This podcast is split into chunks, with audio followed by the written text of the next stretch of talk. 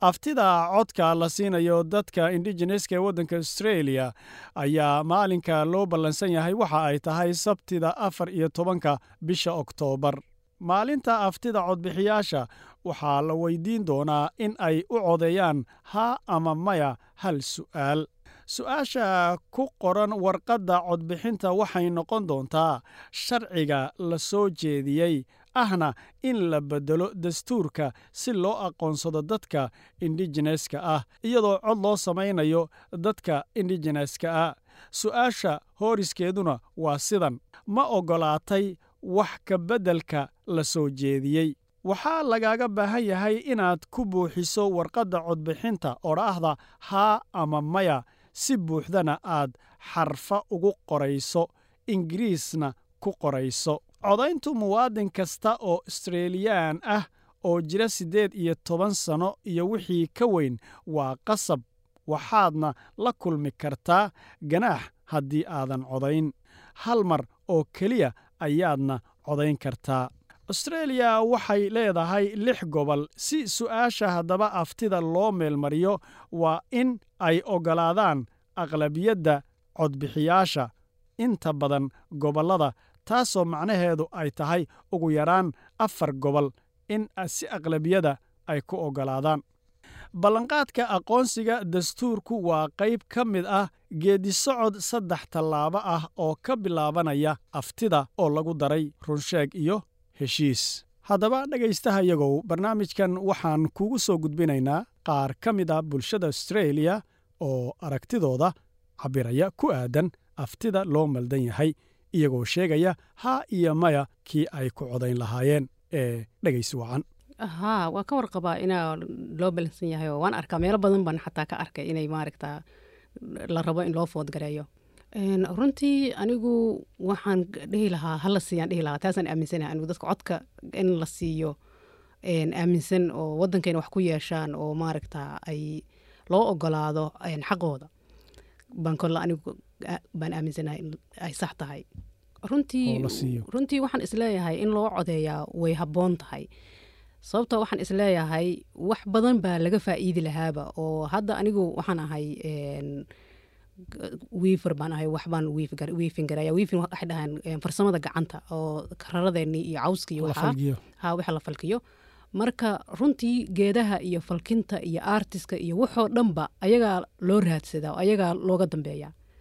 Marka haddii cod loo sii ogolaan lahaana waxaan is leeyahay fursad ka sii weyn ayay noqon lahayd oo ayagana heli lahaayeen. Dadka kaleo australiyaanka ana ay heli lahaayeen oo anigu kale waxaan u arkaa inaa la isu baahan yahay baan aniga aaminsanahayba To parliament is one of the biggest issue, issues in Australia. aragtidayda ku aadan codka waa inuu yahay arrinta ugu weynay australia hor taallaa waan ku ixtiraamayaa in dadku si niyad wanaaga ay go'aamo kala duwan u gaaraan. Dhammaanteen wanaag ayaannu la rabnaa shacabka indigeneska ee australia. Si loo abuuro waddan aad ugu wanaagsan dhammaan dadka. Meeshay doonaanba ha ka soo jeedaane ama daruufaha ay doonaanba ha ku sugnaadeene. Waa inay helaan fursado isku mida. Su'aasha keliya ee taagan waa maxay tahay sida ugu fiican ee taas lagu gaari karo? Aftidan waa fursad aan fikraddeenna kaga dhiibanayno sida mustaqbalkeennu uu u ekaanayo. Anigu uma arko inay wax ka beddelayso ama hagaajinayso nolosha dadka indigeneska ah hase yeeshee waxay dhibaato ku noqonaysaa ama dhib u keenaysaa dhammaan shacabka australia. Codkan sharciyan khataro ayaa ka imanaya maadaama aan faahfaahin badan laga bixin uuna yahay mid aan wax laga beddeli karin mustaqbalka.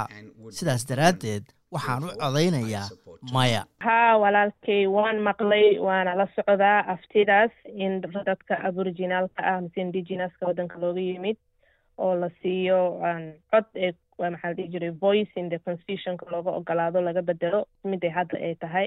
Marka haa waan la socdaa in cod la siiyo in oo maxaa la jiray afti loo sameynayo. Aniga ruqiya ahaan waxaan go'aansaday maadaama ay tahay compulsory oo dadka muwaadiniinta dhan inay votgareeyaan ay tahay. Aniga waxaan go'aansaday kolleyba in aan maxaa la dhihi jiray haa aan u codeeyo aan maxaa la dhihi jiray? U codeeyo aboriginalska in la siiyo recognition iyo cod ay u helaan. Marka jawaabteyda aniga haa yes waaye insha allah sabtiga fourteenth october bisha nagu soo aadan waaye maalinta la codeynayana. My position on the on the referendum is very clear. I will be voting no, and I'll be encouraging. halka aan ka taaganahay aftida waa mid cad. maya ayaan u codaynayaa waxaana ku dhiirigelinayaa dhammaan shacabka australia inay maya u codeeyaan dhowr sababood ayaana sidaas u samaynayaa. Waxaan ka soo jeedaa dadka jinsiyadaha. Intaa doontaba waddanka jooge marka aad muwaadin noqoto isuma kala qaybin karno midabo iyo jinsiyado. Isuma kala qaybin karno jinsiyado kala duwan oo aanu ka soo jeedno. Walaaca aan ka qabo codkan laybarku keenay waa in markii ugu horreysay taariikhda ay doonayaan inay shacabka australia u kala qaybiyaan jinsiyado